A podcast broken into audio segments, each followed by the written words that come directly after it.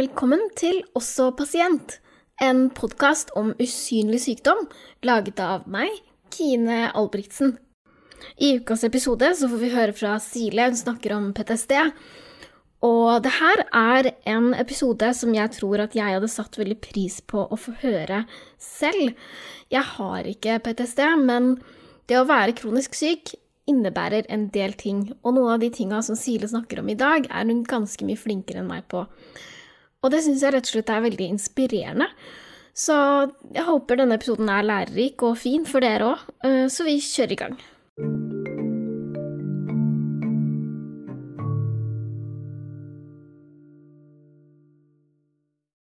Da er vi klare for en ny episode av Også pasient, og ukas gjest er Cecilie. Velkommen. Takk skal du ha. Først, hvilket navn skal vi bruke? Det er greit å avklare. Ja, det er litt spennende, for jeg heter jo Cecilie, men eh, de aller fleste kjenner meg vel igjen som Sile. Så det er jo Sile jeg bruker, egentlig. Ja. Mm. Yes. Ukas tema er jo PTSD, og det er jo et veldig stort tema. Um, men først så kan jeg spørre, hva, hva er liksom PTSD for deg? Ja, PTSD for meg eh, Jeg trodde jo ganske lenge at jeg bare slet med vanlig angst og panikkangstlidelse. Men så har jeg skjønt litt etter hvert at PTSD for meg har vært litt mer ute i dybden, da. Um, med liksom ting jeg har skjønt i ettertid, flashbacks og ting som har påvirket livet mitt med triggere. Og ikke bare angstperspektivet av lidelsen, da. Mm. Fordi i hvert fall det jeg forbinder med PTSD, er jo at man har vært utsatt for eh, noe som er traumatisk, og så føler jeg at PTSD er på en måte den betegnelsen for alle de reaksjonene man får på det, på en måte. Ja, uh, og som jeg har forstått, jeg tror jeg har noe som heter CPTSD, så det har på en måte vært veldig mange komplekse og sammensatte traumelidelser som har bare blitt i hop til en stor ja, ball med mye traumer og angst og sånn. Mm. Og da er det jo liksom greit å gå til kjernen først, kanskje. At, på en måte hvorfor Hvorfor uh, har du fått PTSD? Ganske sånn brutalt spørsmål å begynne med, men um, Ja, det som har vært, er at jeg har jo vært gjennom ganske mye vanskelig fra veldig ung alder. Jeg har vært gjennom ganske mye uh, familie som har vært syk, mistet veldig mange, vært mye syk selv. Um, og opplevd litt forskjellige ting som Du kan nevne en bilulykke her, og hatt mange operasjoner osv. Så, videre. så pga. alt dette så har jeg jo da fått denne PTSD-en. PTSD, da, det betyr jo eh, posttraumatisk stresslidelse, eh, mm. som, som, jo sier noe om at eh, det, det, har på en måte skjedd noe, noe traumatisk som, som, har påført deg en del ting i etterkant. Og det er jo veldig sånn stor variasjon hva man hører at folk er utsatt for. Jeg tror at mange tenker at man bare har PTSD hvis man har vært i krigen. på en måte. Det er jo mange ting som kan, kan på en måte forårsake PTSD. fordi det er jo ikke sånn at de samme tingene er traumatiserende for, for alle. Og det er liksom mange ting som kan skje som kan være liksom en stor belastning. Um, kan du liksom si litt om hva som, hva som har vært store belastninger for deg? Ja, selvfølgelig. Um, for meg så startet egentlig disse tunge belastningene i ganske ung alder. Um, jeg vokste opp med en bror, storebror som hadde en veldig uh, vanskelig uh, sykdom som het Duchenne muskeldystrofi, som egentlig gjør at du kommer ikke til å overleve lenger enn 25-årsalderen. Noe jeg visste veldig godt som barn da forsto dette. Uh, og så hadde jeg en far som hadde sterk bipolar lidelse, som jeg dessverre mistet når jeg var elleve, etter en veldig tung, lang periode hvor han lå i koma. Eh, og allerede dette påvirker meg veldig, veldig tidlig i ung alder. Jeg hadde jo ikke rukket å bare slappe av og ha et liv som barn der man bare kan leke og ikke tenke over disse alvorlige, tunge tingene. Og som følge av dette så ble moren min også veldig syk. Um, hun ble sengeliggende i et år uten å klare å gå pga. Ja, hvordan hun taklet at hun mistet mannen sin, da. Som gjorde at jeg hjalp henne ganske mye. Eh, og når hun endelig ble frisk, så mistet jeg broren min. Og det var da jeg skjønte at det kom mye angst inn i mitt liv da, som jeg ikke forsto meg så godt på. Og noen år senere møtte jeg også mye annen sykdom, hvor jeg fant moren min. Hun hadde fått eh, hjerneblødning. Og det var etter dette punktet Jeg må bare nevne at hun er frisk nå, men hun er jo ikke seg selv. Det er hun ikke. Men etter dette punktet så merket jeg litt i mitt liv at jeg hadde så mye mer eh, triggere, angst og mye rart med kroppen min, fysisk og psykisk, som skjedde i lang tid, hvor jeg da ble veldig syk selv, havnet i en bilulykke, vært igjennom mye operasjoner. Det har vært veldig mange ting som har forårsaket dette for min del, da. Um, så jeg burde kanskje ikke jeg, men sett litt tidlig. Jeg skjønner at det er noe annet her, for jeg hadde en veldig mentalitet jeg skal bare fortsette å stå på, og ingenting skal stoppe meg, liksom.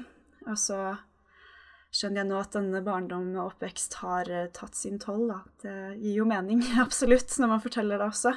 Mm.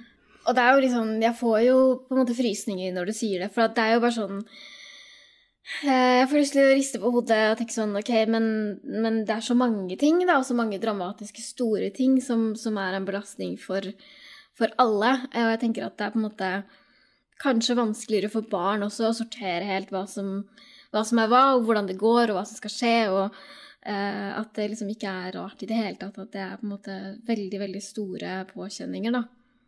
Ikke sant. Fordi midt oppi alt det her så var jo jeg bare opptatt med å vokste opp, og jeg gikk gjennom ting som de fleste unge gjør.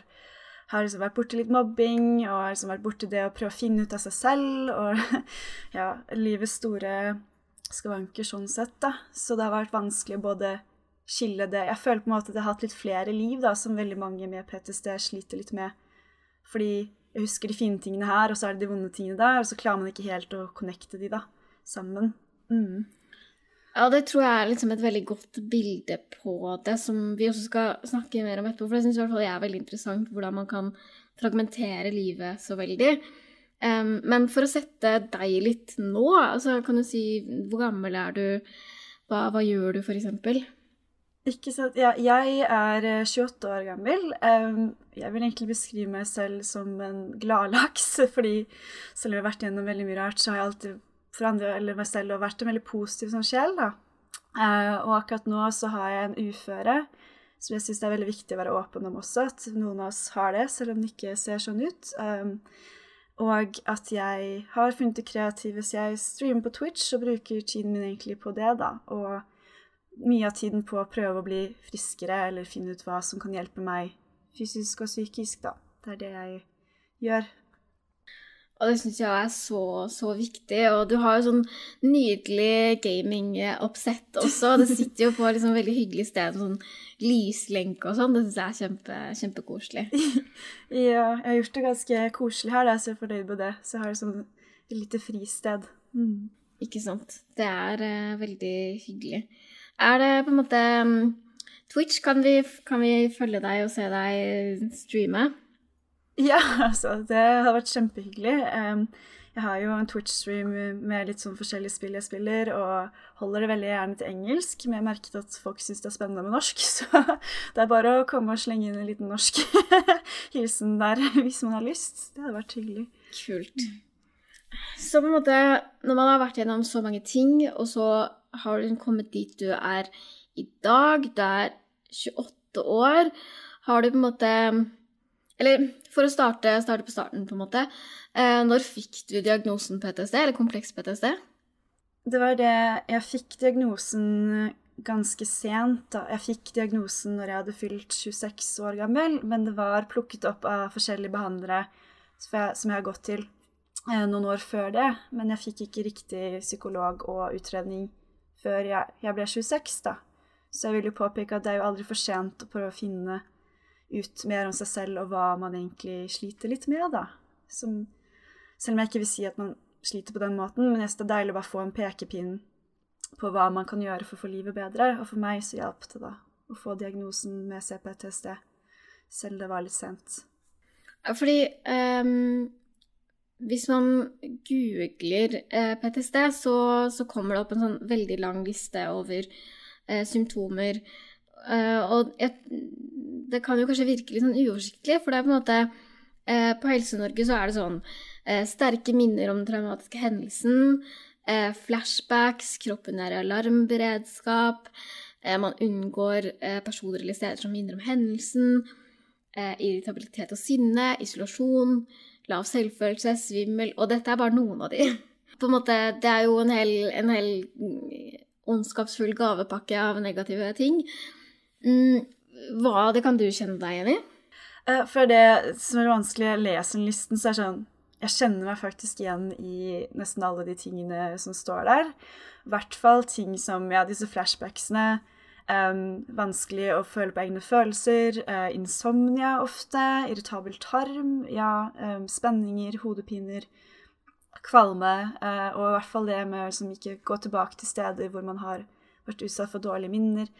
Selv jeg prøver det, så er det mye av de til Og jeg kan nesten nevne at det er en litt lengre liste også, men det er jo litt individuelt hva folk sliter med, da. Men de treffer meg veldig. Det føler jeg. Fordi på en måte irritabilitet og søvnvansker og sånn er for så vidt en ting som jeg tror mange som, som strever, kan kjenne seg igjen i. Men jeg er kanskje særlig nysgjerrig på, på flashbacks, f.eks. Hvordan det er.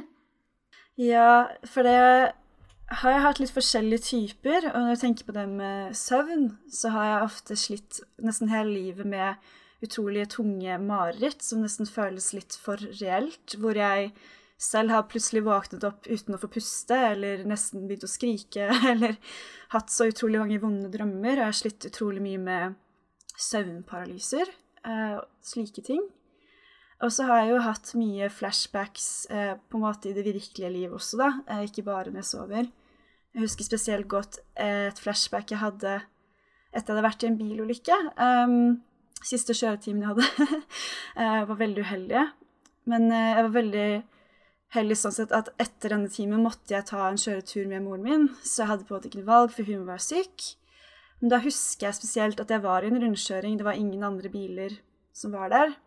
Men plutselig så hører jeg et stort smell inni hodet mitt, og jeg ser for meg at vi har krasjet inn i en bil. Hvor jeg plutselig kommer til meg selv igjen etterpå og bare Oi, dette skjedde jo ikke. Men jeg var borte, så dette har jo skjedd. Og måtte da kjøre videre og ikke forsto helt at dette er jo et såkalt flashback, da. Så jeg har hatt mye sånne, for eksempel. Ja, Oppleves det da som at du ser det på ekte, på en måte, hvis du skjønner spørsmålet? Ja, jeg føler det der jeg prøver å forklare, og det høres jo litt rart ut, da, men noen flashbacks er så reelt for meg at det virker som på en film, da, at de prøver å vise noe i retroperspektiv, at dette har skjedd. Det føles litt sånn, og man føler man ikke helt forstår hvor lang tid det har gått, eller om det har gått et sekund, eller om man, man blir veldig liksom, var på tid. da. Ja, fordi da krasja du jo ikke i den rundkjøringa med moren din. Så fikk du et flashback, og så kom du tilbake si, og, og klarte å kjøre videre. Så da kan det jo ikke så lang tid ha gått, på en måte. Ikke sant. Og for meg så føles det veldig reelt. Og jeg har hatt noen sånne flere ganger.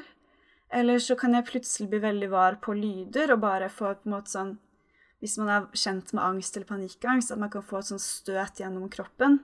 Eh, veldig ofte jeg får slike støt av enten lukter, lyder eller liksom visuelt eller dårlige minner. Til og med hvis man kan prate om noe som er som man kaller det triggende, så kan det kjennes et ubehag at kroppen bare Nei, dette dette går ikke.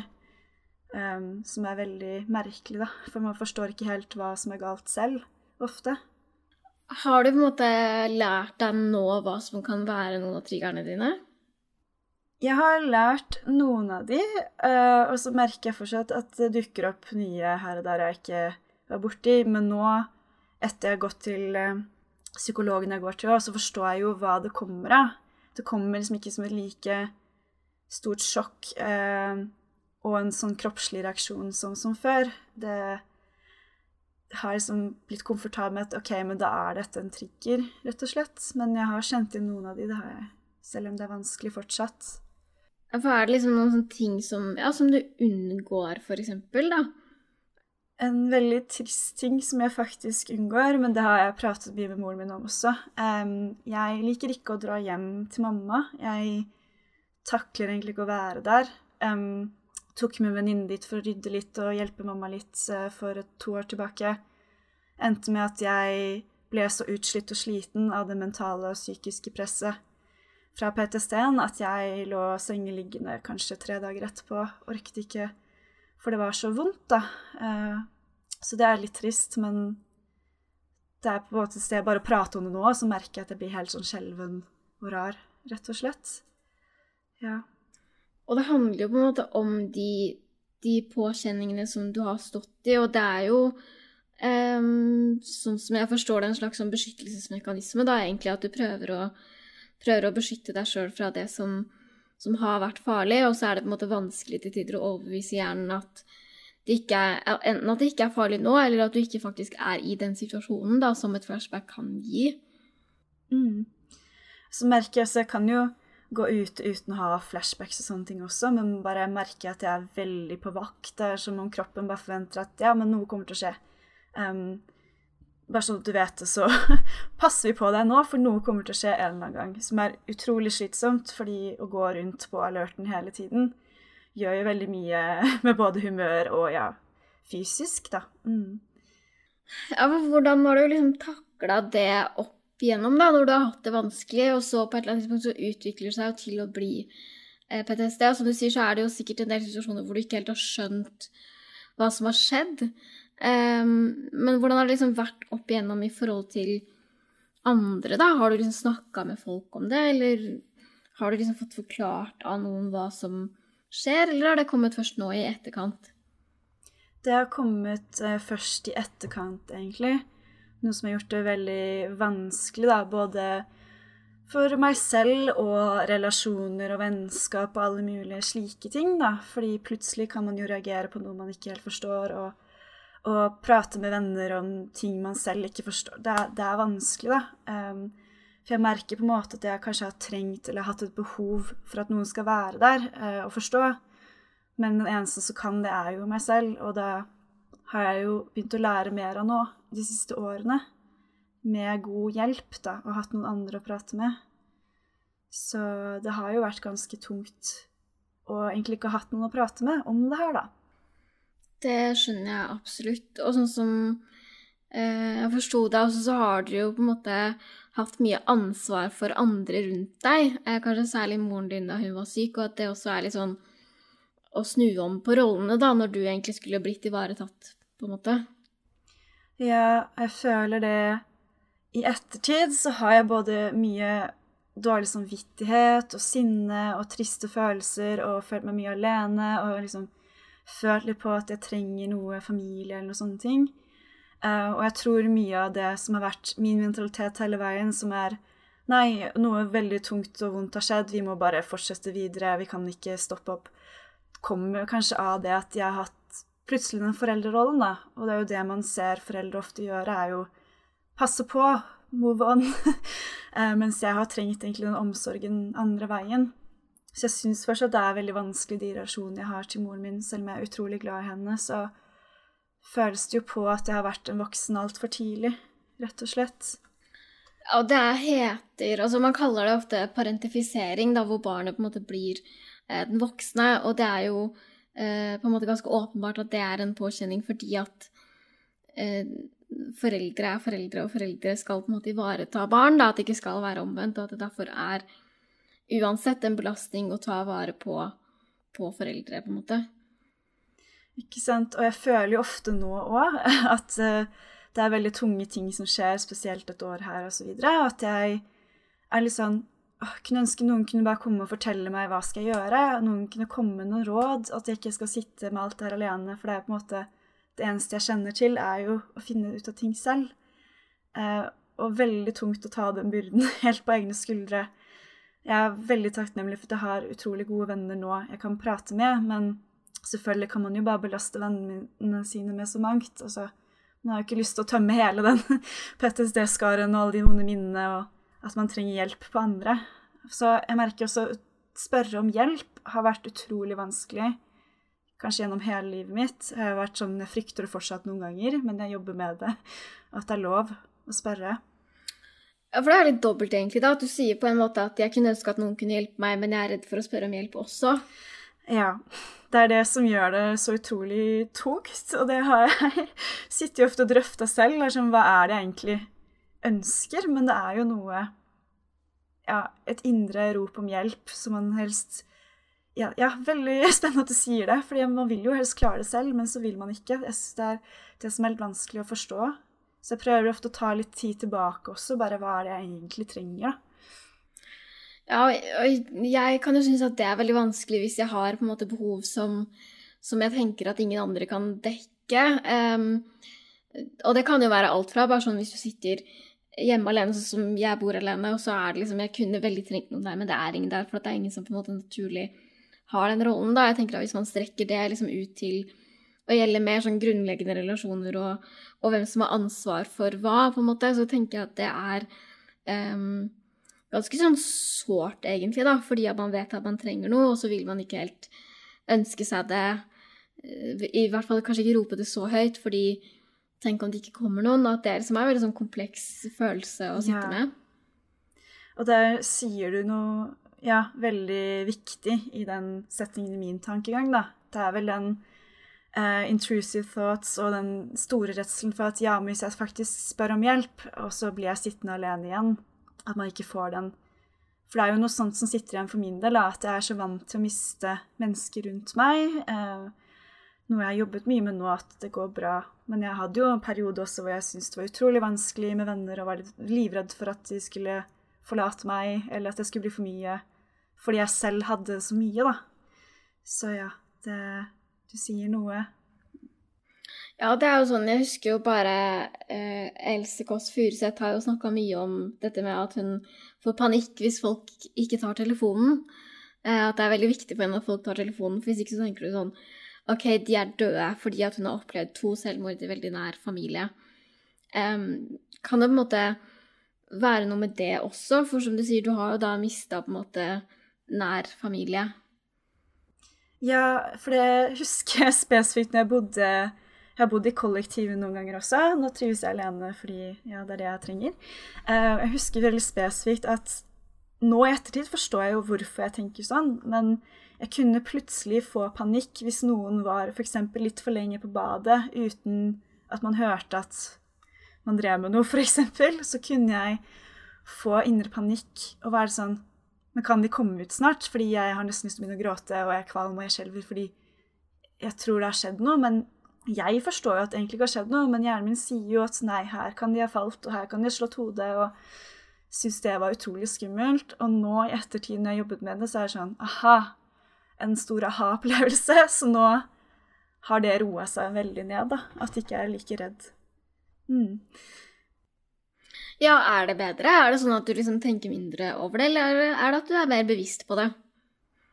Akkurat den delen er mye bedre, eh, fordi jeg er blitt mer bevisst på det. Men så har jeg noen andre sånne traumer eller innfall som jeg blir like dårlig av, da. Som jeg eh, jobber med psykolog med nå også. Og så har jeg jo endelig fått søkt meg inn på sånn traumebehandling eller terapi på sånn rehabiliteringssentre. Så jeg tenker det kan også være en god nøkkel til å lære å finne ut av hva som egentlig er triggere, og hva jeg kan gjøre med de, om jeg får kvittet dem med de. For jeg vet noen triggere jeg har hatt, som det å kjøre, var jo eksponeringsterapi med en gang, som har hjulpet, og nå har jeg ikke det samme problemet, mens andre ting så kan man på en måte ikke um, eksponeres heller. Man må finne en ro og finne ut av hvordan man kan rydde opp i det. Ja, fordi jeg vil jo tro at en del sånne ting som man er redd for, skal jo på en måte heller ikke eh, skje. Det er jo ikke det at du skal eksponeres for at folk plutselig slår seg eller et eller annet, en ulykke skjer, på en måte. Det er jo ikke sånn at det Det er jo ikke det du skal venne deg til. Du skal jo heller venne deg til at det ikke skjer, på en måte, da. Mm, det er akkurat det.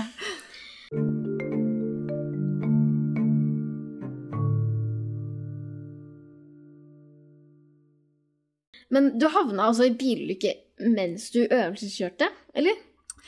Ja, det stemmer. Jeg, kjøleren jeg fant ut at vi skulle ta en litt annen uh, vei å kjøre enn det hun var vant til. Finne ut etterpå det stedet vi krasjet i en fjellvegg. het Ulykkessvingen. Så det hadde jo vært 13 biler som hadde kjørt utenfor. Det er litt vann som var rundt en sving. Og mange biler hadde klart å kjøre i det vannet. Mens uh, Kjøleren min dro i rattet, så vi smalt heller inn i en fjellvegg. Men det gikk jo bra. Eh, det var ikke så høy hastighet på bilen, men eh, Ja. Så jeg satt igjen med noe whiplash og sånn etter det, da. Men jeg tror det også selvfølgelig gjorde at uh, denne PTSD-en formet seg, da. Ja, fordi det vet jeg ikke så mye om, egentlig, men, men jeg vil jo eh, liksom Sunn fornuft da, tenker jo at det ikke er så bra å bygge på, ikke sant? Fordi da hadde du på en måte sykdom i nær familie på en måte fra du var helt liten, og så kom det jo bare flere og flere ting eh, oppå der igjen. Og da var du jo antageligvis eh, 18 eller snart 18 da når det skjedde, og da hadde du allerede en sånn god dose traumatiske ting i, i bunnen, på en måte. Ja, det stemmer. Uh, og så hadde jeg glemt å nevne det litt, for det er jo så mye å huske på. Men jeg også det samme året um, holdt på å ikke overleve selv pga. en hjertefeil jeg har, da, som nå har blitt operert og fikset, så jeg er jo helbredet fra det. Men det var noe som uh, Ja, på festival, litt al mye alkohol og mye inntrykk som gjorde at hjertet mitt bare hoppet ut av rytmen. Så det òg slet jeg jo med veldig, veldig lenge etter hjertet ble fiksa, rett og slett. At hvis jeg bare fikk litt høy puls, så gikk kroppen min inn i en sånn stressreaksjon. Um, som også tok flere år å lære at men dette er ikke farlig. Så det har jo vært mye ting som har hopa seg opp og blitt en stor, ja, stor greie. Fordi um, det er jo en veldig stor totalpakke av belastning, og så vil jeg jo tro at du, du tenkte OK, men vi må fortsette, vi må fortsette, vi må fortsette. Og så eh, gikk det jo på en måte gradvis eh, dårligere til det på en måte sa litt stopp, fordi i dag er du jo ufør, på en måte. Hvordan var liksom den, den veien der, da? Ja, den veien har vært veldig tung og lang. Um, og som jeg nevnte litt òg, slitt med utrolig mye fysiske plager. Har veldig like plager som en fibromyalgi-diagnose. Um, og det har vært veldig tungt for meg, fordi alt jeg ønsket i livet mitt, er jo å studere og jobbe og stå på og ja, klare å ta vare på meg selv på den måten, da, som alle har behov for. Um, men en dag for meg så sa det rett og slett stopp. Jeg gikk på veggen i 2013. Um, dro på jobb, eh, kastet opp flere ganger og sto på i flere dager til jeg ble så svimmel og dårlig at kroppen bare Her går ikke. Og det var da det endelig ble tatt tak i at OK, er, du er syk, rett og slett. Så jeg gikk på AAP en god stund. Prøvde mye forskjellig for å se om man kunne jobbe. og min mentalitet da, før jeg visste hva en uføre var, var jo at nei, nei, jeg skal bli frisk. Jeg skal jobbe. Jeg skal komme, skal jeg klare å komme på jobb og få alt til. Men så har jo kroppen satt stopp, enten om det var med angst eller psykisk eller fysisk flere ganger. Um, til noen år senere hvor jeg egentlig fikk forklart hva en uføre er, og jeg forsto at nå har jeg tid til å jobbe kun med helse og finne ut av meg og mitt, da. Selv om det er kjedelig å føle at du går glipp av skole og jobb og se livet til andre gå forbi som du kunne ønske ditt var, da. Ja, det kjenner jeg meg jo igjen i. Eh, jeg er jo også ufør eh, i bunnen, som jeg pleier å si, for jeg har klart å, å, holde på med ganske mange ting samtidig som det. Og det er jo på en måte kanskje noe av min problematikk igjen, da, at jeg liksom burde jobba kanskje mer med å akseptere at jeg skal ha tid bare til å jobbe med min egen helse, som jeg syns er eh, vanskelig, vanskelig sjøl, da. Ja, og det tok meg jo mange år å fortsette for innfall nå at jeg bare blir superlei meg og uh, føler ting er utrolig urettferdig og liksom hvorfor meg, på en måte. Uh, og hadde mange år med rastløshet og ikke helt visste hva skal jeg gjøre denne dagen, og hva orker jeg denne dagen. Plutselig så klarer ikke kroppen fysisk å gjøre noen ting. Um, men jeg har endelig klart å lande på det at ja, men nå har jeg tid til kun meg, og vet for mange at å si at man er uføre føles litt tabu, men jeg tror det er viktig å bare Ja, men nå er jeg ufør, og nå får jeg tid til meg og mitt, og jeg er syk. For jeg fikk mye dårlig samvittighet også, at jeg bare Jeg gjør ingenting. Til en dag jeg bare Men herregud, så mye vondt og tungt jeg har vært igjennom. Nå må jeg få denne tiden. Ja, dette syns jo jeg på en måte er litt inspirerende, da. Jeg som har en tendens til ofte å bli liksom sint på meg selv og tenke at åh, oh, men jeg er ubrukelig og ikke verdt noe hvis ikke jeg holder på med noe som på en måte er nyttig, da. Um, så det tenker jeg at jeg kan, kan, lære noe av, på en måte. Ja, og jeg, jeg, må jo innrømme at jeg føler jo ofte på det, også, men jeg har klart å ta over med den tanken at det, det er lov. Og jeg merker det bare med Twitch og sånne ting, og at jeg sammenligner meg ofte med andre og glemmer litt at ja, men Stile, du er jo du er syk. Det, du gjør det så bra som du gjør det, og du gjør det faktisk, liksom. Ja. Ja, og det tenker jeg at det er viktig. Og det er jo også liksom noe med å, å, regulere etter hva man faktisk har muligheten til, da. Fordi at jeg kjenner jo det at det er jo ikke dermed sagt at jeg har liksom Det er jo ikke sånn at jeg har 100% kapasitet til å fungere, men jeg bare gidder ikke gjøre det. Det er jo på en måte liksom andre spilleregler og andre ting å ta hensyn til som jeg prøver å gjøre etter beste evne, da. Ja, absolutt. For det er det jeg også eh, slet med i mange år. For jeg forsto at OK, eller aksepterte da at jeg er dårlig. Var jo den at jeg selv følte at jeg er jo bare lat. Jeg Hvorfor gjør jeg ikke disse tingene? Kan jeg ikke bare skjerpe meg? Kan jeg ikke bare få sove, kan jeg ikke bare klare å fungere? Men eh, som du har nevnt, og flere har nevnt, når man forklarer litt hva jeg har vært igjennom osv., så, så gir det jo totalt mening at kroppen kanskje sier nå trenger vi en lang pause. Så bare det å godkjenne det også. Absolutt. Og det er liksom Ja, den prosessen tror jeg at jeg er liksom ja, kanskje enda mer i nå, da. At jeg liksom prøver å finne ut av det og prøver å Jeg prøver å akseptere det, rett og slett. Mm. Men så er det jo sånn at Eh, når man snakker om, som jeg alltid har hørt mye om i psykiatrien, men som jeg vet er liksom særlig relevant for PTSD også, er jo det med toleransevinduet. Altså for meg er det liksom OK, alle vet hva det er, og så har jeg skjønt at ok, kanskje ikke alle vet hva det er. det er ikke, altså, alle har ikke blitt snakka like mye om toleransevinduet til som meg. Ikke sant. Jeg fikk jo først også lære om toleransevindu kanskje for sånn tre-fire år siden hvor da ting ga mye mer mening for meg, da. Um, og det er jo det Noen folk har jo utrolig mye energi og mer spoons til å gjøre ting. Uh, og jeg forsto til slutt at å ja, men det kommer litt an på dette toleransevinduet, da. Hvor mitt vindu er veldig smalt. Og for min del så merker jeg jo at selvfølgelig kan trigger og ting påvirke meg uansett hvor jeg er i toleransevinduet mitt, om jeg er langt nede eller høyt oppe og er helt i hundre. Men når jeg faktisk ligger innenfor det lille vinduet jeg har med å føle at alt er riktig, så påvirkes jeg ikke like mye av andre ting, da. Så Nei, og det du sier om, om spoons, er jo den eh, skjeteorien som jeg har snakka om flere ganger, som jeg også kan linke til i denne episodebeskrivelsen. Det handler jo om at man har ulikt antall skjeer til å gjøre ulike ting, og at ting koster ulike, ulikt antall skjeer i tillegg. Så hvis noen begynner på, med ti skjeer og det å dusje koster én skje, så kan du helt fint gjøre det hver dag, på en måte. Men hvis du begynner med fem skjeer, og dusje koster tre skjeer, så må du kanskje vurdere å prioritere annerledes, da. Um, og toleransevinduet er jo um, rett og slett et sånn, sånn slags skjema hvor det å være for høyt i toleransevinduet ditt eh, gjør at du er overaktivert, Å være for lavt er at du er underaktivert. Og så skjer det liksom ulike ting både over og under, mens i midten så er det sånn gylne middelvei hvor du tåler ting bedre, da. Veldig enkelt forklart. Ja, veldig godt forklart sånn sett, da. Ja, fordi jeg har skjønt at mitt sånn toleransevindu er jo veldig lite. Uh, og jeg merker f.eks. hvis jeg er overaktivert, da, så er det veldig lite som skal til før jeg skvetter og blir dårlig og liksom nesten litt hyper, liksom har masse tanker som raser av gårde, lager masse planer blir utrolig klumsete, glemmer å kjenne at jeg er dårlig, blir liksom kvalm og stressa.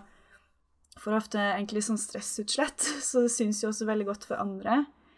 Og hvor jeg har dager og perioder jeg kommer veldig langt under toleransevinduet, så er jeg jo utmatta, kan kanskje være ja, sengeliggende den dagen, for jeg orker ingenting. Kroppen verker, sliter mye med leamus og sånne tics, som jeg har forstått er en del av PTSD som jeg alltid har hatt, men ikke helt har forstått, for man føler det bare hører til Tourettes og andre sånne ting. Men ja, det er jo de spenningene og hvor man rett og slett er i toleransevinduet, da. Ja, og det vitner om liksom veldig mye Hva skal jeg si Nei, liksom feilkanalisert energi, da, fordi at uh, man ikke er regulert, rett og slett. Og det er jo noe som egentlig barn lærer. Det er med, med på en måte emosjonsregulering at ja, og jeg tror liksom når man er barn, så handler det helt sånn enkelt om at ok, hvis du slår deg, så kommer noen og sier 'det går bra' og trøster deg, og så skjønner du at ok, det var ikke så ille. Mens hvis du på en måte hadde bare blitt eh, forlatt alene, og ingen kom og trøste deg, så hadde du ikke på en måte visst at 'å ja, det her var ikke så farlig fordi at ingen sa det'. Eh, og at det liksom har noe å si også, da, hvor mye man på en måte har lært å regulere det, og hvor, mye, hvor god man er til å regulere det sjøl også, eh, men at jo mer stress og belastning man er utsatt for, jo smalere blir det vinduet. ikke sant? Så hvis du har liksom to centimeter hvor du er liksom innafor, så er det vanskeligere å, å balansere innafor der, rett og slett. Ikke sant. Og tenker veldig tilbake når du prater om det, at uh, det er jo akkurat det. Jeg har jo aldri lært hvordan følelser er. Jeg har egentlig vokst opp med at ok, med følelser skal man kanskje ikke vise så mye heller. Um, og vært veldig mye stressa som barn, så jeg har på en måte aldri lært å slappe av. For jeg har fått det spørsmålet utrolig mange ganger òg. Men når er du slapper av? Hva gjør du når du slapper av? Og så har jeg alltid vært sånn Men jeg slapper jo aldri av, for det er alltid noe, enten kroppslig eller ikke. Jeg forstår jo i ettertid at vi har ikke lært å utvikle den, den, ja, det vinduet, da. Fått det tøyd litt lenger. og, og det er jo sånn at det kan jo utvides, men at det liksom da må man gjøre akkurat de tinga du gjør. da, liksom Bli mer kjent med sykdommen sin, kjenne sine egne grenser, ta pauser i tide, alle de her tinga. Og så kan det på en måte bli blir det en større handlingsrom, da, som betyr at man sannsynligvis også kan gjøre flere ting uten å bli like satt ut. da. Um, og det, jeg tenker at det ikke alltid skal så mye til da, før man er liksom uh, overaktivert eller underaktivert, fordi at hvis, som du sier, da, hvis det er liksom eh, Hvis du har PTSD, og du er på en måte Du sover dårlig, du har eh, mareritt, du er liksom kvalm og skjelver, da er det jo liksom ikke så rart at, at enhver belastning kan være en påkjenning heller, på en måte som kan vippe deg av pinnen, da. Ikke sant. Og det er jo noe som jeg ja, som Når man har lært litt mer om det, og prøver å finne seg selv For det har jo igjen kanskje kommet episoder hvor jeg har ikke overreagert, men at man blir nesten litt hysterisk i seg selv og f.eks. vært veldig konfliktsky en god stund, ganske lenge, som nå har begynt å lande litt mer, men fordi jeg var så overaktivert, og da hvert minste lille sånn stressende SMS eller et eller annet melding gir deg det samme støtet som om du skulle være i stor fare. Eh, og prøve å finne regulasjoner på det. Og så, så nå, nå datt jeg litt ut av train of thought, som også er veldig typisk. At man bare detter litt ut av Får litt hjernetåke og sliter litt uh, med å huske ting, rett og slett. Jeg tror det er fordi at det er noe annet som forstyrrer, eller fordi at det er så mye å huske på, på en måte? Jeg føler det er blanding. Jeg har mistet meg selv sånn mye mer de siste årene. For jeg føler liksom det er så mye som virrer i hjernen hele tiden. Spesielt hvis det er litt tyngre dager. Som i dag så er jeg litt kanskje over toleransevinduet, da. Um, og jeg synes det er litt ubehagelig, for andre merker det jo. Um, jeg føler liksom noen dager at jeg ikke er helt meg selv. Um, som sagt, mye mer klumsete og glemmer ord, og så blir man litt redd for at å, merker andre det, og tror de at jeg er på en måte litt dum, eller noe som ikke er sant, men man begynner å overtenke seg selv òg, da. Fordi kroppen reagerer så fælt hele tiden. Fordi eh, hvordan oppleves det, på en måte? Fordi vi har snakka mye om sånn, hva er symptomene, men så er jo spørsmålet også hvordan er det for deg? Fordi um, det tror jeg også kanskje man kan takle litt forskjellig. Ja, og for meg så føler jeg jeg har veldig gode perioder, og så har jeg veldig opp- og ned-perioder, og syns det er stelt vanskelig. Noen ganger så um, deattacher man litt, eller sånn dissocieter litt med verden også, for å gjerne prøve å beskytte deg. Altså, jeg syns det er veldig vanskelig selv i min egen hverdag å henge med, da.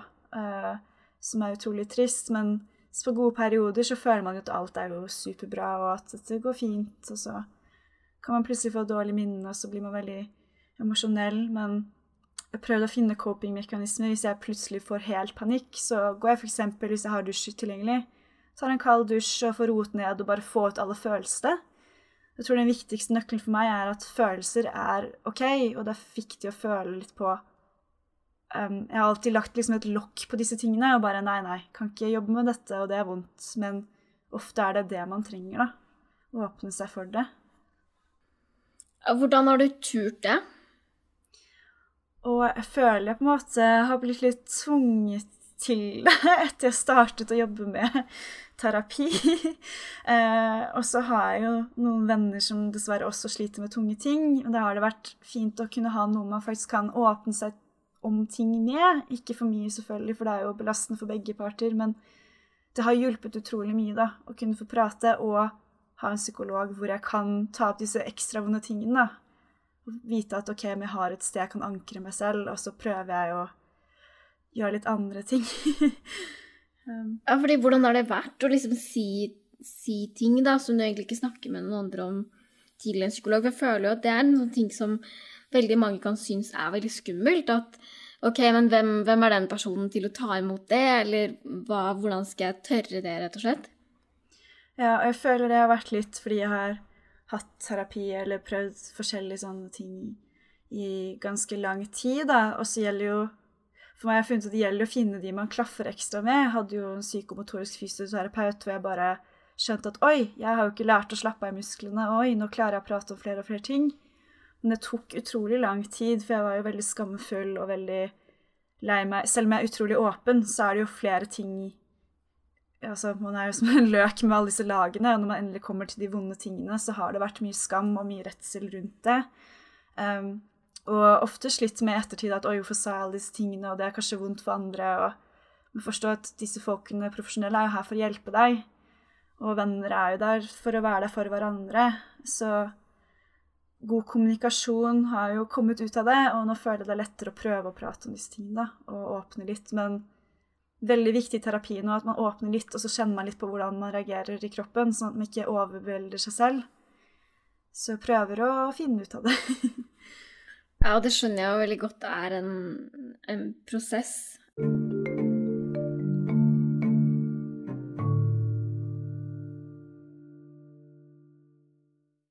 Men så er det jo sånn Når man får flashback, så har jeg hørt at det er liksom noen sånn ting som man kan gjøre for å på en måte klare å, å, å Hva skal jeg si Realitetsorientere seg selv, på en måte. Ja, og jeg vet, det er et veldig viktig spørsmål. Jeg føler på at jeg fortsatt lærer litt om hvordan jeg skal takle det. Eh, Men jeg har jo fått noen sånne verktøy som har hjulpet veldig For meg er jo i hvert fall å orientere meg om steder kanskje passe litt på før man kan eventuelt få et flashback, som er veldig vanskelig, da, men begynne å orientere seg litt om hva er egentlig rundt meg. Er, dette er et trygt sted, og jeg er her og nå. Og jeg bruker også mye pusteteknikker da, bare for å kjenne eh, gjør mye yoga bare for å preppe kroppen, på en måte. At jeg er connected både hjerne og kropp, sånn at jeg vet at jeg er her og nå. Um, og hjulpet veldig mye de pusteteknikkene for min del. da. Jeg har ikke selv egentlig lært helt hva man gjør i et flashback, men jeg håper på at det kommer litt etter hvert. Fordi jeg har i hvert fall brukt, Hvis jeg har vært sammen med noen som har vært helt ekstremt stressa, eller um, ja, i en eller annen veldig vanskelig situasjon, så har jeg jo ofte på en måte fokusert på sånne helt enkle ting som uh, spørre om de kan finne Eller liksom Spørre om de kan si alle tingene som er blå i rommet. Eller finne firkanta ting. Um, eller om de kan fortelle meg hva slags farge den stolen som står foran deg, er. Fordi at da må du fokusere på noe som faktisk er ekte, da, og som er her og nå. Som også gjør at man tvinger hjernen til å tenke liksom, på andre ting. Fordi eh, det er vel også noe med det at når man først begynner å spinne på en sånn tanke, eller spinne på en eller annen grei- greie, så henger man seg nesten liksom opp, da. Ja, og det er akkurat det. For jeg husker jeg også gjorde med psykomotorisk fysioterapeut en del ganger. Ja, den der, ja, men se litt etter blå ting, eller ja, være litt var. Og det jeg har funnet også for meg, er liksom kikke veldig opp i hjørnene. på, eksempel hvis man er inne på et rom, da. Kikke opp i de forskjellige hjørnene til kroppen selv får en respons, at du gjesper og får roet ned nervesystemet, men det er sånn, sånne ting jeg prøvde å implementere mer i livet mitt, så blir det mer rutine, da. Ikke Mm. bare For jeg merker litt ofte at jeg fortsatt glemmer teknikker som man kanskje burde bruke. For det hjelper jo, og det har jeg jo erfart før òg. Ja, og det er vel liksom en På en måte Jeg føler at mange ting i behandling er å lære disse tinga, og så liksom prøve å implementere de, og så er liksom jobben man gjør etterpå som er vel så viktig, er jo ofte å bare få ta det i bruk, da, huske på de, som du sier. Um, Ikke sant? for det er jo lett å glemme, og i hvert fall når vi tenker særlig PTSD, da, som er en veldig sånn eh, For meg, når jeg snakker med noen som har det, så opplever jeg at det er liksom en så sånn utrolig eh, alarmberedskap, også sånn intense instinkter, på en måte. At det ligger så sånn ekstremt ubevisst da, og fremme i kroppen at det er fare på ferde, eller 'å, shit, jeg må passe på', eller eh, 'hva skjer nå', eller et eller annet. da, og at det er liksom derfor kanskje ekstra vanskelig å på en måte hente frem de teknikkene når man trenger de, men at de den again, på en måte. At man får veldig mye igjen for å gjøre det. Ikke sant. Det er jo den forebyggingen jeg føler når man ja, øver det opp, og at det blir mer en rutine og vane, at det er greit. For det jeg også tenker på når du sier det, er sånn Hvis noen har vært gjennom at huset deres har brent ned, og så plutselig lukter de i bål på høsttid, og så starter hjernen allerede Ja, hvordan skal vi redde huset og komme seg vekk? Og det er veldig vanskelig når de, de største triggerne skjer, da. Å huske på. Er det noen sånne spesielle årstider eller liksom sånne ting som, som kan trigge deg, eller er det mest sånn eh, ord og steder, på en måte? Ja, du sa noe om lukter og sånn også. Ja, for min del er det veldig mange lyder. Jeg er veldig var på lyder og har alltid vært supersensitiv på det, så jeg tror det er min største sånn um, som setter i gang alarmredskapet i hjernen. Men jeg har også, for meg, eh, høytider er utrolig vanskelig, inkludert liksom min egen bursdag. Nå nevnte jeg jo litt at jeg mistet faren min. Eh, faren min lå jo i koma i en måned før vi mistet han lille julaften. Så for min del, juletider, desember generelt, har vært en veldig tung og vanskelig periode for meg. Jeg har jo veldig mange venner som vet om det, og prøver liksom å være litt ekstra der da. Men ja, høytider har vært veldig tunge for min del.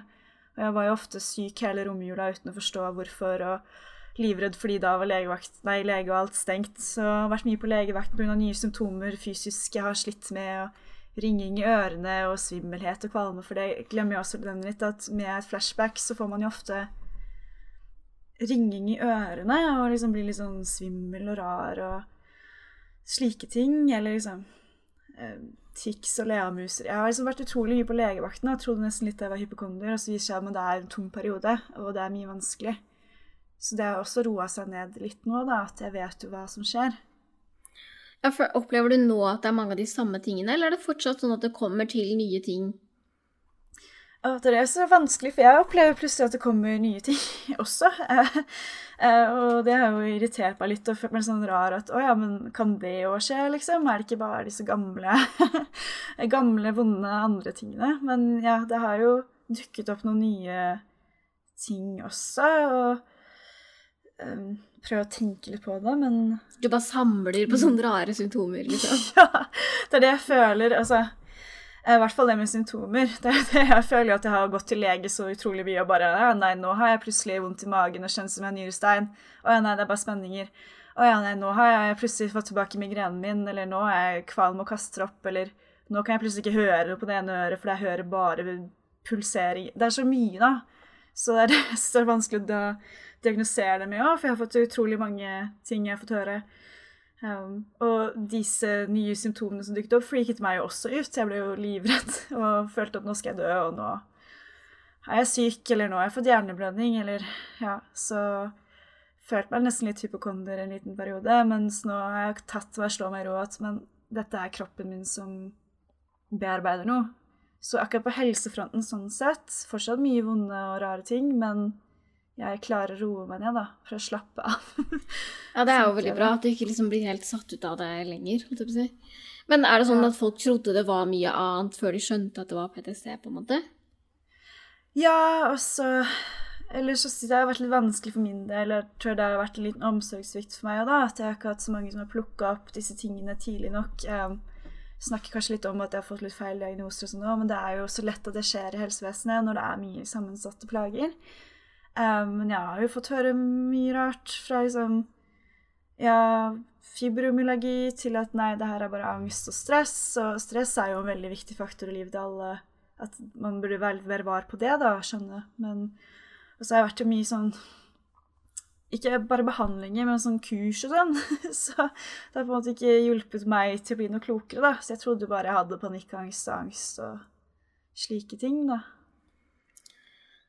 Ja, og jeg tenker jo da må det jo liksom ha vært godt å fått et bilde på, eller liksom et svar på hva det faktisk var, da, fordi at det viser at det var noe mer, og at det kan liksom knyttes opp mot mange ting, og at det kanskje gir liksom litt mer mening for deg hva som egentlig er greia, på en måte, for å forstå deg selv, da.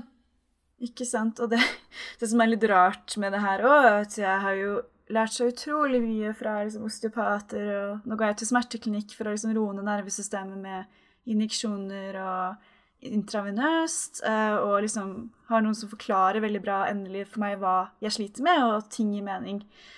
Men jeg har lært så utrolig mye om det her, ikke bare om meg selv, med andre liksom, psykiske lidelser. og Hvis venner nå f.eks. har liksom, å nei, det spenner litt her, så kan jeg si ah, men det kan jo være Ikke at jeg skal diagnosere noen, men at jeg kan jo hjelpe å roe noen andre rundt meg også. At, uh, og jeg har nesten lyst til å, hvis jeg orker en dag, kanskje studere og forske litt på det her selv òg. For det er utrolig rart hvordan hjernen funker, og hvordan det blir litt kjemiske ubalanser. og ja, Jeg vil bare egentlig lære mer om hvordan alt fungerer. Ja, Det høres ut som at de virkelig har liksom fått erfare at kropp og psyken henger veldig tett sammen. da. Absolutt. Og det tror jeg kanskje er den viktigste, viktigste aha-opplevelsen jeg har hatt. at det, for jeg trodde jo kanskje ja, det er bare fibro og jeg er syk sånn og sånn fysisk, men at det er faktisk eh, det psykiske som gjør meg dårlig, har vært den største aha-opplevelsen, ja.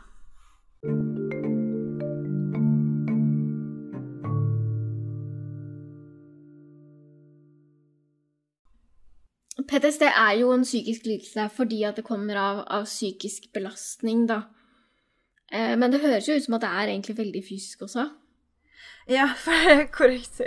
Jeg ville korrigere meg selv litt der. Ja, for det er jo det Jeg har jo egentlig mest i livet mitt også slitt med det fysiske hele veien. Uh, og prøvde å finne ut av det. Og jeg tror kanskje det er der jeg startet mest, og at jeg ville finne ut av men hva er galt fysisk. Er det en sykdom jeg har? Hva er det her?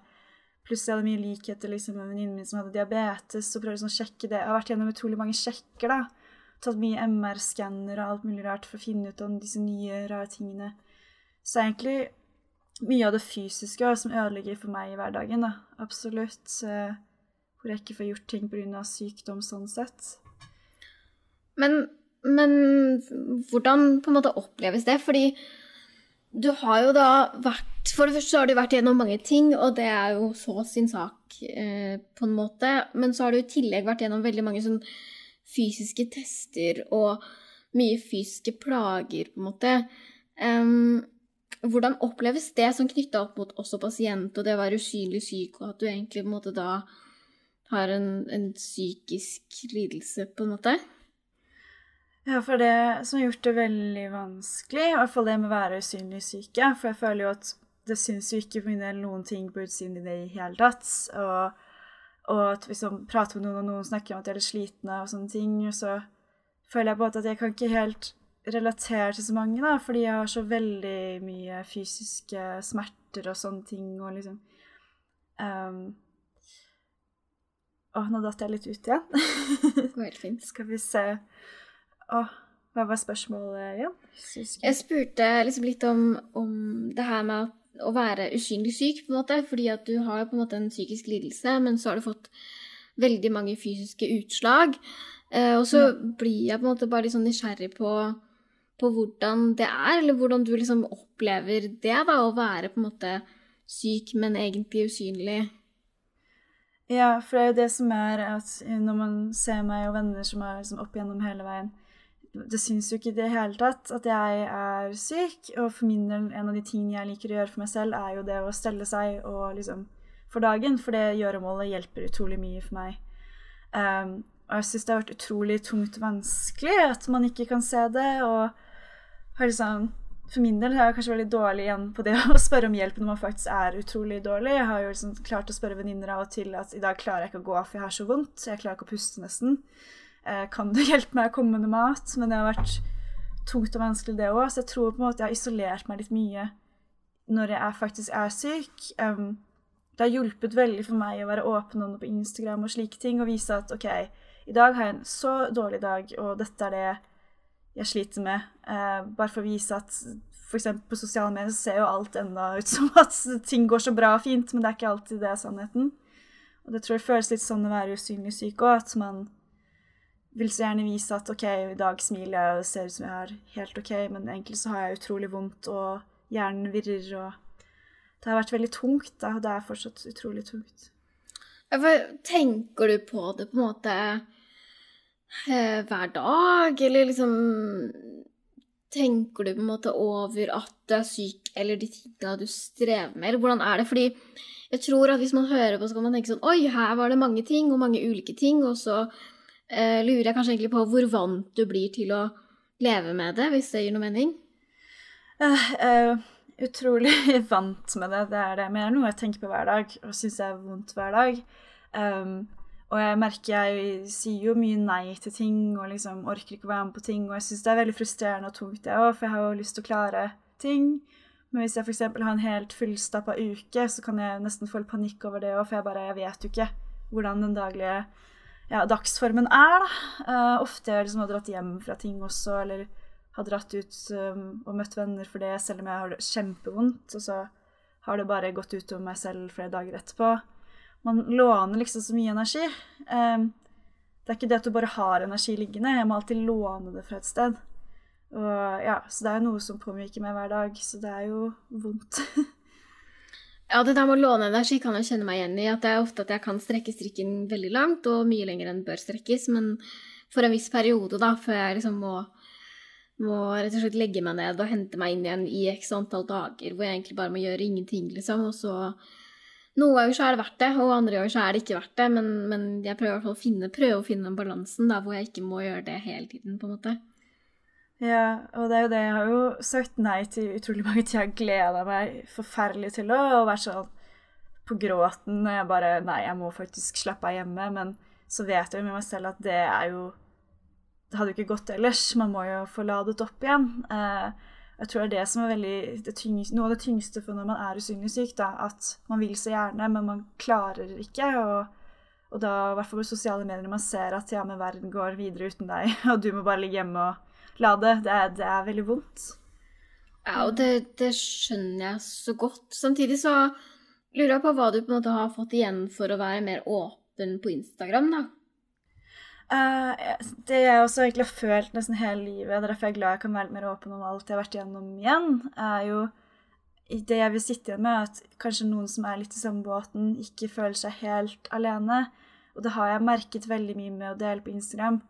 Det er utrolig skummelt, for du kan jo få noen kommentarer her da, som kanskje gjør det enda tristere for deg selv, men det meste jeg har sett, er jo at folk selv klarer å være mer åpne og bare OK, det er så fint at du deler fordi jeg har slitt akkurat med det samme i dag, eller at nå får jeg lyst til å dele selv, for jeg ser at det hjelper deg. Og for meg har det gitt egentlig mest positivt, da. At uh, det er skummelt å dele, for jeg føler ofte å, nå er jeg negativ igjen, men det er jo ikke det det handler om. Det er jo bare å vise at vi er mennesker som har ting. Altså tenker jeg at viktig poeng her er jo at det blir jo ikke eh, mindre ille fordi at du ikke sier noe, på en måte. Du har det jo på samme måte uansett om du sier noe eller ikke. Så det er jo ikke sånn at da er du negativ. Det er jo mer at ok, kanskje alle, eller flere vet hvordan det står til, men det burde jo ikke være noe negativt sånn egentlig, på en måte. Ikke sant. Da kommer man jo tilbake til det vi starta med, at man vil jo egentlig ha den omsorgen, men så blir man litt sånn flau og overtenker det, og så når man først får det tatt imot på en positiv måte, som at ah, men så deilig at jeg delte det, men ja, jeg tror jeg, man overtenker veldig mye disse tingene selv. Jeg var egentlig bare glad for at flere klarer å være åpne og Kanskje hvis noen ikke selv forstår helt hva de lider av, at oi, kanskje det er en liten aha-opplevelse at min verden Kanskje jeg har PTSD, da, eller kanskje jeg burde liksom få hjelp og terapi, eller jobbe med meg og mitt, og jeg syns det er så viktig at folk ser at de burde jobbe med seg, og dele veldig mye av self-love, men det er jo mye av det det går i, rett og slett, for å ha et bra liv. Absolutt. Jeg tenker liksom den refleksjonen som vi hadde helt på starten, kan liksom også på en måte Jeg syns på en måte at det er en viktig refleksjon, da, for jeg tror veldig mange kan ha den refleksjonen at eh, når man har opplevd vonde ting, så har man kanskje ikke nødvendigvis fått alt man trenger, og at det legger et dårligere grunnlag for både god selvfølelse, men også på en måte å føle seg og bli ivaretatt som voksen. Eh, og at det liksom Jeg tror at mange på en måte kan kjenne seg igjen i det, egentlig, da. Ja, det tror jeg jo også husker jeg når vi prata litt smått før den podkasten også, at jeg nevnte jo f.eks. at jeg er så lei meg og sur for at jeg føler jeg har hatt mye omsorgssvikt. F.eks. når jeg har hatt en bror som var syk, og i den grad sykdommen hans er veldig alvorlig. At ingen liksom hadde noen samtale med meg om dette osv., eller at noen tok vare på meg som pårørende. Eh, men som du da nevnte litt, at nå har du jo tatt tak i det. og Derfor føler jeg det veldig viktig å være åpen på PTSD og det fysiske nå også. At det er jo fortsatt veldig nytt, men det er viktig å prate om det, og det, ting blir jo tatt tak i fordi vi forstår mer om psykisk og fysisk helse. Og det er på en måte Det var jo det jeg sa til deg, at uh, søsken har jo kommet inn i lovverket som pårørende, og har, de har ikke vært det før. Uh, og at det er på en måte mye mer fokus uh, på det. for eksempel så har um, som heter Anne Kristine Bergen, har skrevet en bok om barn som pårørende, som er veldig fint, som gir veldig god, godt bilde på, på, det å være pårørende som barn. Jeg tenker at det er um, viktig å ha med seg da, at barn også blir ivaretatt. Jeg vet jo at Derfor så har man også fått en del sånn barneansvarlig på, på sykehus og sånn da, som skal ivareta det. Og så eh, håper jeg i hvert fall at det fungerer, og at det på en måte gjør en, en forskjell der. da, eh, Så færre mm, må oppleve det som du har opplevd. Ikke sant. og det er derfor jeg nå sitter igjen med at ja, det er deilig å være åpen og dele om det, fordi kanskje det kan hjelpe for fremtiden for så mange andre. Eh, veldig kjedelig å ha vært gjennom alle disse tingene selv, men det er jo derfor jeg fortsatt ønsker å ja, være her og faktisk eh, kanskje holde den stafettpinnen, da, dessverre, men også bare OK, dette er noe vi trenger hjelp til, og det er reelt. Det er ikke bare eh, ja, noe å skimse av den psykiske helsen. Nei, og det setter jeg så pris på, på, at du vil, og at du selvfølgelig at du hadde lyst til å komme hit. Eh, sånn som, sånn som nå, egentlig, når jeg har spurt deg noen ting, og så har du liksom falt ut eh, litt av, eh, av tankerekka. Jeg tenker jo at det absolutt ikke gjør meg noe, men jeg ser jo at du blir litt brydd. hvordan, hvordan, er det liksom til vanlig? Nå er vi liksom i en litt mer sånn litt mer formell setting hvor du på en måte skal, skal svare, da, men hvordan er det på en måte i en, i en vanlig samtale, f.eks.? Uh, det er det. Ok, Godt spørsmål. Jeg har merket det, for det, har jo, det for meg har blitt verre i de siste årene. Um, og det er rett og slett at jeg bare har hjernetåke hele tiden, egentlig. Fordi det er jo sånn hjernen har beskyttet meg før òg, at man bare nei, legger vekk alle sine. Um, jeg sliter veldig mye med det selv, ja, for jeg merker jeg blir veldig frustrert. Jeg blir nesten litt sånn Får litt lyst til å gråte. Jeg skjønner liksom jeg har litt høy puls fordi jeg bare vil så gjerne huske å si ting som jeg ja, har eh, allerede planlagt hjernen, og så klarer man ikke. Det blir sånn i Men er det liksom sosiale... fordi at du ikke eh, på en måte hører hva jeg sier, og da mener jeg ikke at du ikke hører etter, men jeg vet at man kan jo på en måte faktisk koble ut det, det som skjer, eh, enten ved at det liksom er stille eller pipelyd eller whatever, eh, eller er det på en måte at uh, noe annet i deg sperrer for, for det? For jeg tenker at man kan jo for eksempel bli så sånn emosjonelt eh, berørt, da, men så er det så skummelt at man ikke tør å svare, f.eks. Vet du liksom noe om hva, hvilke mekanismer som skjer da?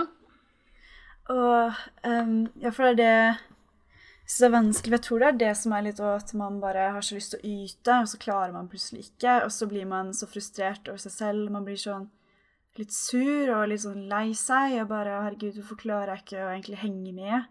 Jeg merker jo som sagt jeg blir stressa i brystet, det knyter seg veldig i halsen. For det, det er det jeg merker på sånne tunge dager. da. Hvis jeg har god toleranse under dag, så blir jeg nesten litt stolt og bare Å, jeg har klart å formulere alt og komme med alle kunnskapene mine og liksom virker så smart og flink. Jeg, tror det liksom sitter igjen for meg at det er liksom det ønsket jeg har om hele hverdagen. Og så igjen bare det å tillate man er dårlig, at man har de hjernetåkedagene. Jeg klarer ikke det helt ennå.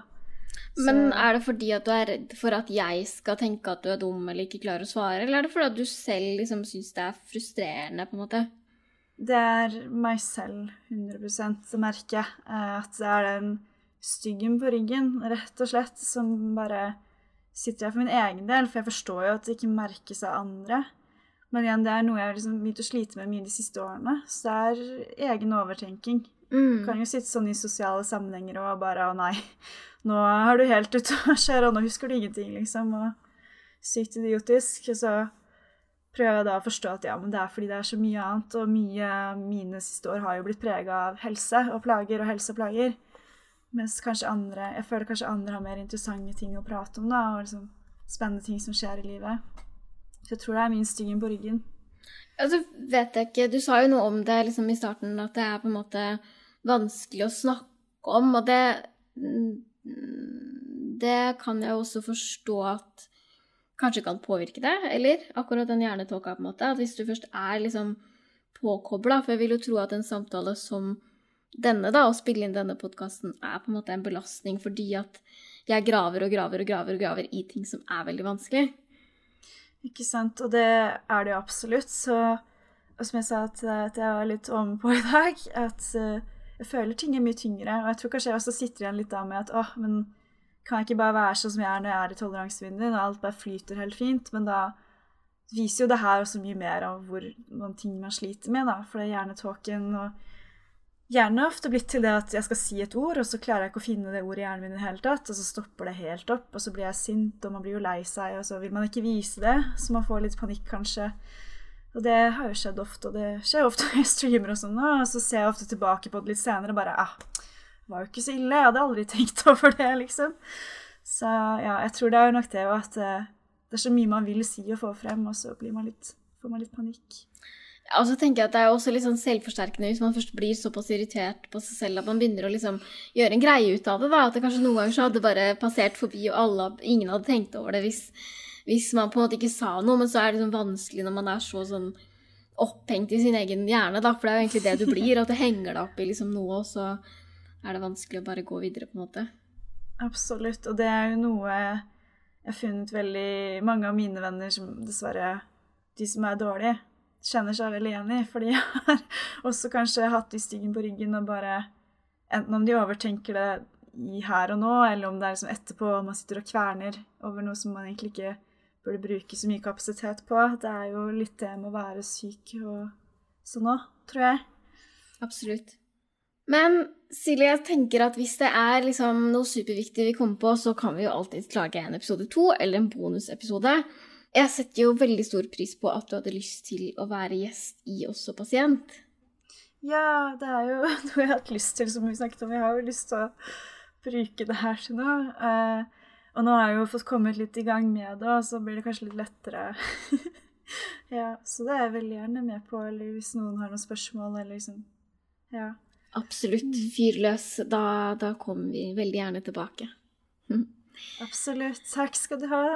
jo, takk skal du ha. Og da er det bare én ting igjen å si, og det er ha det bra. Ha det.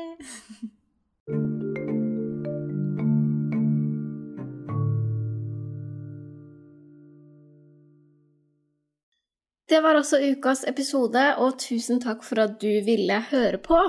Hvis du har lyst til å støtte jobben jeg gjør, så gjør du det veldig enkelt ved å like Instagram-postene mine. Fortell det til en venn. Eh, det beste for meg er at folk sprer ordet, fordi da kan vi nå måla våre, som er å spre kunnskap, minske fordommer og skamme oss mindre. Det er rett og slett de tre tinga som er viktige for meg å bruke også pasientprosjektet til, da. Så hvis du har lyst til å støtte jobben jeg gjør, sånn at jeg kan fortsette å holde på med det, så kan du kjøpe meg en kaffe.